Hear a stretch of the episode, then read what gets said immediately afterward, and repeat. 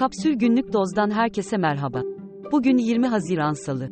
Ege ve Güneydoğu Anadolu dışında tüm bölgelerde şiddetli yağışlar sürecek. Hava sıcaklıklarında önemli bir değişim beklenmiyor. Şimdi haberler. Asgari Ücret Tespit Komisyonu'nun ikinci toplantısında da taraflar herhangi bir ücret telaffuz etmedi. Ancak kamuoyundaki 500 dolar beklentisine karşın asgari ücret, dolar bazlı değil TL olarak konuşuluyor. Komisyonun üçüncü toplantı tarihi henüz belli değil ancak bu hafta içerisinde nihai sonuca varılması bekleniyor. 500 dolarlık hedef için asgari ücrete neredeyse %40 zam yapılması gerekiyor. Bugünkü kurla 11.800 liraya denk gelen bu ücret bile, bekar bir çalışanın yaşama maliyetini karşılamak için yeterli olmuyor. Eurostat'ın Haziran ayı verilerine göre Türkiye, 27 Avrupa ülkesi arasında Arnavutluğun ardından en düşük asgari ücreti veren ikinci ülke. Disk, asgari ücretin en az 17 bin lira olması gerektiğini, en düşük emekli aylığının da bu düzeyde olması gerektiğini savunuyor. İyi Parti kurucularından İBB Meclis üyesi Taylan Yıldız, sebebi kişisel değil sistemsel diyerek partisinden istifa etti. Yıldız, seçimde milletvekili adayı gösterilmemişti. Anayasa Mahkemesi, HDP'ye seçim dönemi nedeniyle yapılan 400 milyon 228 bin liralık hazine yardımına bloke konulması talebini reddetti. Bitlis'te görev yapan gazeteci Sinan Aygül'ün darp edilmesiyle ilgili olarak bir polis memuru ve belediye çalışanı tutuklandı. Tatvan Belediyesi'nin taşınmaz mallarının satışına ilişkin usulsüzlükleri haberleştiren Aygül, bu taşınmazlardan birinin satışının iptal edildiğini duyurdu.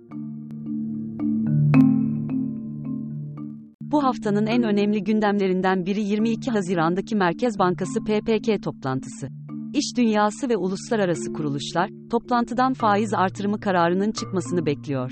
Sermayenin yeni ekonomi yönetimine sunduğu raporlarda öne çıkan talepler, mevcut para politikasının terk edilmesi, inandırıcılığını yitiren tek haneli enflasyon hedefinden vazgeçilmesi ve kur korumalı mevduatın 2024 sonuna kadar devam etmesi. Ayrıca Erkan liderliğindeki Merkez Bankası ile Kavcıoğlu liderliğindeki BDDK arasındaki yetki çatışmasının önlenmesi gerektiğine ilişkin uyarılar da mevcut. IMF'nin raporuna göre Türkiye, halka açık olmayan şirketler bazında zombi şirket oranının en yüksek olduğu ülke. Türkiye'yi Endonezya, Romanya ve Rusya takip ediyor. Gelirleri borçlarını ödemek için yetersiz olan ve çeşitli desteklerle ayakta kalmaya çalışan şirketler zombi olarak adlandırılıyor.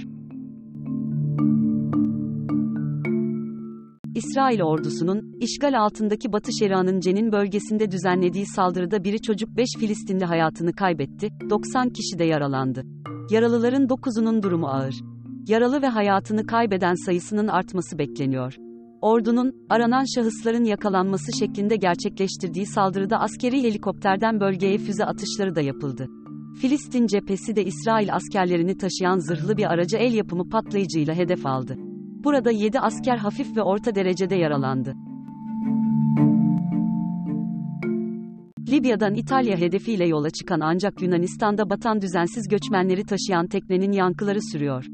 Şu ana kadar 78 kişinin hayatını kaybettiği, 104 kişinin kurtarıldığı olayda arama kurtarma çalışmaları da sona erdi. Halen 500 kadar göçmenin kayıp olduğu düşünülüyor.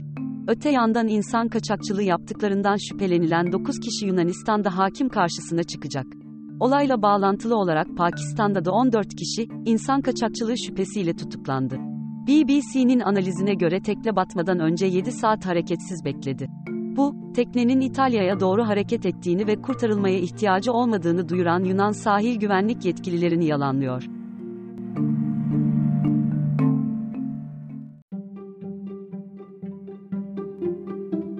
Daha fazlası için kapsül.com.tr adresini ziyaret edebilirsiniz.